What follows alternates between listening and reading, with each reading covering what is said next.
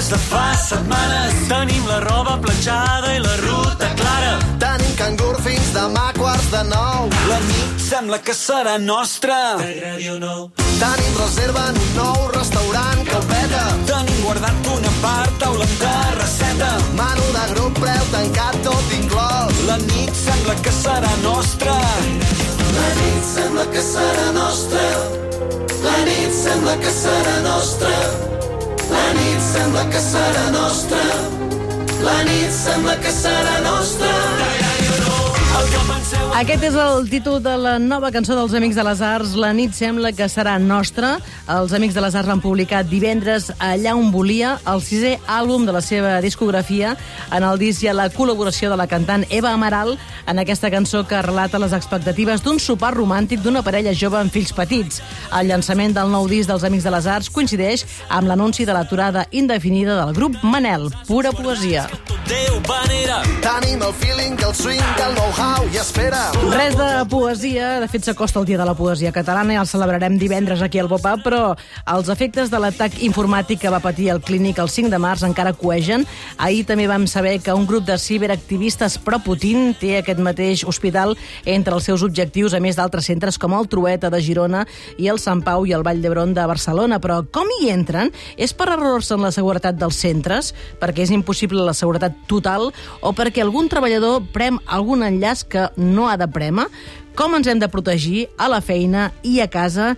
És molt important que fem de tant en tant i molt sovint consultori de ciberseguretat i avui ho fem amb Genís Margarit, que és enginyer de telecomunicacions i expert en ciberseguretat. Hola, Genís, com estàs? Molt bé, molt cansadet, com tots els que treballem en aquest àmbit aquests dies. Mira, sí, l'altre di- l'altre dia veia que el periòdico en Carles Planas traia un reportatge dient que esteu patint molt d'estrès la gent que us dediqueu a la ciberseguretat, no és així? Bueno, tenim una sobrecàrrega de feina cada cop que hi ha algun cas sonat com ara aquest, perquè aleshores tothom se'n recorda, no?, d'escolta, ja ho tinc bé, m'ho podries revisar, és inevitable. I ho tenim bé en general? En general, sí. Eh? El que passa és que només es nota els errors doncs, quan hi ha algun ciberincident.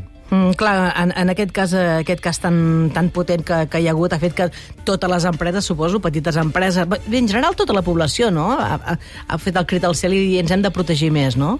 Efectivament. Mm. Fixeu-vos que en aquest cas, malgrat tot, es va reaccionar molt ràpid i des del primer moment vam saber que hi havia còpies de seguretat disponibles fora de línia, el qual, la, la qual cosa ja dona un bon consell i una bona pista a tota la resta de, de persones i de- i d'empreses. És a dir, que no tot ha d'estar al núvol, sinó que s'ha de tenir una còpia de seguretat física sense que estigui connectada al núvol, no? Aquest seria el consell ideal. Eh? O sigui, si les teves fotografies només estan en el núvol i algun dia pateixes doncs, un hackeig, el hacker serà prou espavilat com per arribar fins les entranyes de, de tots els teus racons, però si ho tens fora de línia hauria d'arribar a casa teva. Mm -hmm. um, si voleu, algú doncs, té algun dubte sobre ciberseguretat, pot trucar al 93 201 7474. Um, en el cas del clínic va reclamar l'autoria i un rescat de 4 milions i mig de dòlars al grup de hackers uh, o de ciberdelinqüents Ransom House. Um, com acostumen a actuar? Per on entren? En aquest cas, crec que no s'ha dit exactament quina va ser l'entrada, la porta d'entrada. Sempre que hi ha un ciberatac, el primer és detectar-ho, després contenir-ho, eh, que això ja s'ha aconseguit, i després en paral·lel comença la resolució i la investigació.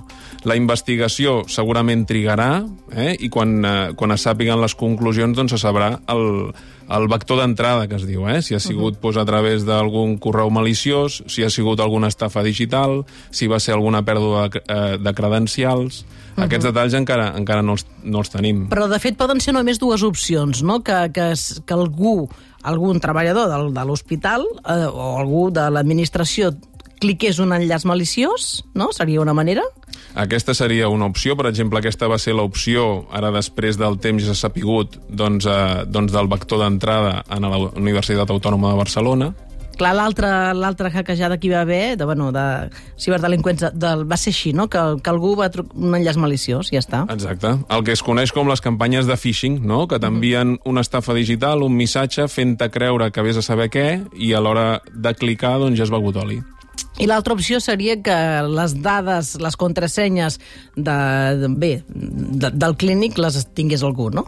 Sí, això malau malauradament, com que hi ha persones que reaprofiten les contrasenyes i posen les mateixes a, a diversos uh, llocs, doncs si algun d'aquests llocs doncs, és uh, arriscat o és perillós o, o ha perdut doncs, prèviament les contrasenyes, de rebot pot ser que la teva entitat es vegi afectada. Però pot ser un treballador normal, un usuari de, de tota la, la, la xarxa del clínic, per exemple? Bé, aquests ciberdelinqüents normalment el que busquen és primer colar-se en un ordinador d'un usuari convencional i un cop estan en, en l'ordinador convencional d'una persona qualsevol comencen a fer un escaneig de la xarxa sencera eh? i aleshores es van bellugant el que es diu lateralment i a partir d'aquí doncs teixeixen eh, la seva estratègia. Clar, per tant, això vol dir que és molt important tothom com està a casa i fins i tot a la feina, tenir bons hàbits, diríem, de seguretat, perquè, clar, que tots són vulnerables, no? Mira, el millor és la prudència. Eh? Si fem a l'arqueòleg per internet i ens agrada anar tots els racons i investigar-ho i anar a mirar doncs, pàgines web que potser no tenen molta reputació, però a veure què hi trobo, doncs es dispara la probabilitat d'infecció. Si, en canvi, només visitem la web de Catalunya Ràdio, doncs ens infectarem poc. Bé, de fet, eh, tu crec que també fas exercicis d'aquestes característiques, eh? perquè la, per, per intentar educar la gent a tenir aquests bons hàbits, feu mm, els equips de... És que em fa gràcia perquè feu com una mena de jocs dins de les empreses que ens, Sí. ens feu una mica... ens feu trampes. A veure, Moltes. si, a veure si caiem, no? I tant. Que, que crec que jo... Bueno, de fet, jo vaig col·laborar, o estic a punt de col·laborar en una trampeta que, que farem. Sí, jo, no, sí, no sí. puc dir gaire, perquè si no llavors ja... ja, ja i no, però, llavors però cobreixo, se'n fan, fan. És una, és una pràctica que és eh, molt habitual fer simulacres de phishing o simulacres de smishing, eh? i aleshores una entitat et dona els eh, 600 correus electrònics dels seus treballadors i els hi envies un simulacre d'estafa digital i veure les estadístiques. I aleshores quan veus les estadístiques veus que en aquest sentit doncs, hi ha vegades que, que fallem massa. Hi ha un percentatge molt elevat de gent que acaba clicant els enllaços. Sí, Encara. perquè, perquè si poses la tentació... Per exemple, va haver una estafa que vam fer-la que va ser enviant un simulacre d'una eh, multa eh, de la Direcció General de Trànsit. I va haver dos treballadors que fins i tot es van imprimir la multa i volien anar-la a pagar. I els hi van haver de dir, bueno, escolta, Els van haver d'aturar. sí... Mm. Nosaltres algun dia a l'equip Pop-Up, mm, de bona fe, vam aturar un simulacre. Però es diu molt bo, ves bé, no? nosaltres és bo, no? És bo, no? Sí, sí, sí. Vam dir, escolta, no feu cas d'això, que no... I era un simulacre. De fet, Això el més important no és la gent que punxa i s'equivoca, sinó els que se n'adonen que ajudin a rescatar els que s'equivoquen. Ah, ens, ens va passar això a nosaltres. Ben fet. Sí? Però clar, llavors no va tenir gaire recorreguda la broma, no va tenir recorregut. Però bé, no, és veritat, clar, és que entre companys ens han d'ajudar també, no? Si veiem Clar. alguna cosa, dir, compartir en un grup de WhatsApp, el que sigui, eh, no cliqueu així, aquí, que això és fraudulent, mireu la URL o coses així, no? La solidaritat digital. Va, digues alguns, alguns consells, no? Um, és bàsic tenir preparats protocols en contra d'aquests atacs, suposo, no? De fet, uh, a l'Agència de Ciberseguretat de Catalunya ens ho diuen molt, no? Que per molt protocol que el 100% d'efectivitat, o sigui, el 100% de seguretat no existeix, no? I ara que parles de l'agència, tenen un canal que es diu Internet Segura, internetsegura.cat, que allí està farcit de bons consells, eh? Però si n'haguéssim de destacar un parell, podríem dir, comencem-nos a posar antivirus al mòbil, eh? que sempre pensem en posar-nos antivirus al portàtil, però no pas al mòbil, i la majoria de missatges maliciosos ara ja els rebem al mòbil, i després habilitem-nos els múltiples factors d'autenticació a tot arreu on puguem. A tot arreu on puguem. Uh -huh. Clar, és que sempre, això doncs no té importància al mòbil, perquè sempre pensem que és l'ordinador i que el mòbil, mm, clar, quan dius això, t'has de posar un antivirus al mòbil, o sigui, que- d'aquests de pagament, suposo. De pagament O o, no. gratuït, no importa. Ara, el que sí que està més que comprovat, que us deu passar a la majoria de persones, és que rebem SMS eh, falsos cada dos per tres. I tots aquests Clar. SMS falsos el que porten és un enllaç que volen que cliquis des del mòbil. Uh -huh. Sí, mira, si algú li ha passat i vol explicar-nos-ho, i així ho fem extensiu a altra gent que estigui escoltant, perquè ara hi ha un munt d'estafes que arriben a través de SMS i phishings a través de correus electrònics, i està bé que ens digueu algun concret, perquè així doncs, tota la gent que està escoltant el pop-up doncs, eh, pot saber... És important això, no?, que es difonguin, perquè així saps que... Ah, sí, allò que van dir a la ràdio que no obríssim i totes aquestes coses. Per tant, 93 201 7474. Clar, la digitalització ens ha millorat moltíssim la vida, però també fa que apareguin nous riscos i fa uns dies tu penjaves unes dades a Twitter que feien pensar al top 10 dels països amb més persones que eviten tràmits en línia per la desconfiança en la ciberseguretat i també els països més confiats. No? I els més desconfiats eren França, Suècia, Islàndia, Finlàndia, Espanya, Eslovènia, Holanda, Portugal, Àustria i Malta, i els més confiats eren Kosovo, Grècia, Romania, Letònia, Hongria, Luxemburg, Polònia, Croàcia, Lituània, Albània, Bòsnia, Herzegovina, Bulgària i Montenegro. No sé si això també és un fet cultural. Probablement aquestes dades són de- d'Eurostat i aleshores la vida digital que ens empeny doncs, ha d'anar associada també doncs, d'una prudència. És, eh, és eh, comú doncs, que, òbviament, allí on hi hagi doncs, més cultura digital doncs, eh, siguin més, eh, més prudents. Mm. Um, també actualment tenim aquesta dada, que és un de cada cinc delictes ja són tecnològics, però no tots són males notícies. No? Segons un estudi sobre ciberseguretat, abans del 2024 s'hauran de cobrir més de 83.000 llocs de treball relacionats amb la ciberseguretat a l'estat espanyol. Això també és una oportunitat, no? Us fan falta, no?, treballadors per això en ciberseguretat. Mira, la majoria de treballadors que fan falta és el que es coneixen com els operadors de seguretat. Igual que quan et posa un sistema d'alarma a casa, si et salta alguna alarma, doncs hi ha algú que et truca des de la central i et diuen és que ha saltat una alarma a la cuina o ha saltat al menjador. El mateix es necessita en matèria de ciberseguretat. Anar repartint eh, sondes i si et salta una alarma doncs, en l'ordinador o en el servidor o en el mòbil, que algú et truqui i t'avisi. Mm. Cris, bon dia, com estàs? Hola, bona nit. Bé, ens volies dir alg- alguna estafa o alguna pregunta? O digues, endavant. No, bueno, més que res, és el cas del phishing. Jo ho he viscut a les meus propers... Eh, dins, perquè treballava abans en, a Port d'Aventura i passava molt que quan hi havia un, un sorteig d'entrades, un sorteig d'hotel, per exemple, una estada d'hotel, sempre el sorteig es feia a través d'Instagram o de les redes socials. Sí. I sempre apareixien perfils, deien que havies guanyat i tothom queia. Tothom queia. Tothom. Mira, doncs... Llavors, què passa?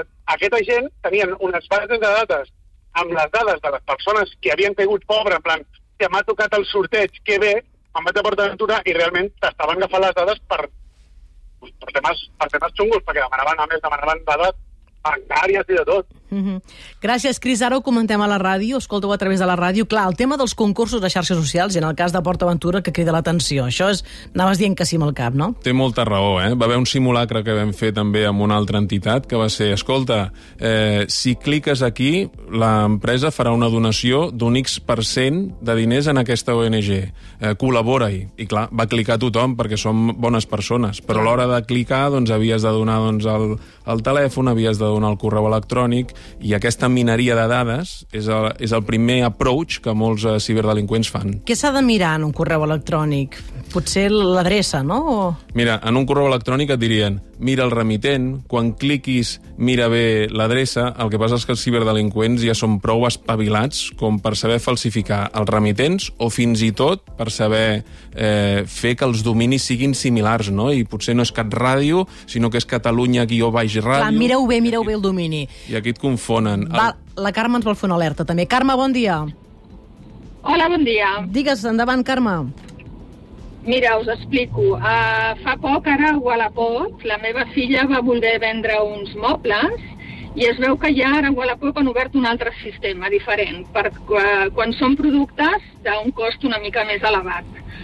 Llavors, eh, això ho han, ho han sabut molt bé el, les persones que, que volen fer fraus, perquè hi ha un moment que en comptes de confirmar que vols fer la venda, el que fan és eh, prendre't els diners amb, amb un phishing. I llavors eh, clar. tu cliques amb un botó pensant que és habitual, com ho fas sempre amb les altres aplicacions de Wallapop, i ells el que fan és eh, prendre't els diners. Clar, tu has certificat la targeta, el, el codi PIN i tot. Val, gràcies, Carme. Que no, no, Ho comentem. Gràcies, Carme, que es, quan es diu Wallapop has dit sí, sí. Perquè, Sí. clar, entren com si fossin Wallapop i no ho són, no? Bueno, en, tots, en totes aquestes xarxes de venda de segona mà, doncs allí també hi ha estafadors digitals que esperen que posis alguna cosa a la venda per fer-se passar per persones interessades en comprar el producte i et mereixen la perdiu i fins i tot el que fan és crear dos o tres perfils per fer veure que hi haguessin múltiples persones interessades i t'acaben demanant dades que la plataforma convencional no te les demanaria.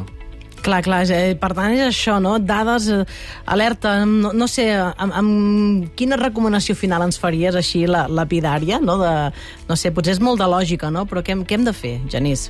Doncs tenir una vida digital zen. És a dir, si quan agafeu el telèfon, si quan agafeu l'ordinador, teniu tres o quatre plataformes en les quals llegir missatges i en cadascuna de les plataformes t'han entrat 20 missatges nous, tots no els podràs tramitar amb el temps que, que requereix. Aleshores, començar a fer dieta digital és el principi per tenir salut digital. Per tant, anar a poc a poc, llegir bé i no... Perquè moltes vegades es juga amb això, els ciberdelinqüents juguen amb aquest estrès i amb aquesta rapidesa amb què llegim les coses. O sigui, per tant, més a poc a poc. Zen. Genís Margarit, moltíssimes gràcies. Va, serem zen, m'ha agradat això, eh? Bon dia. Jo vull una vida digital zen.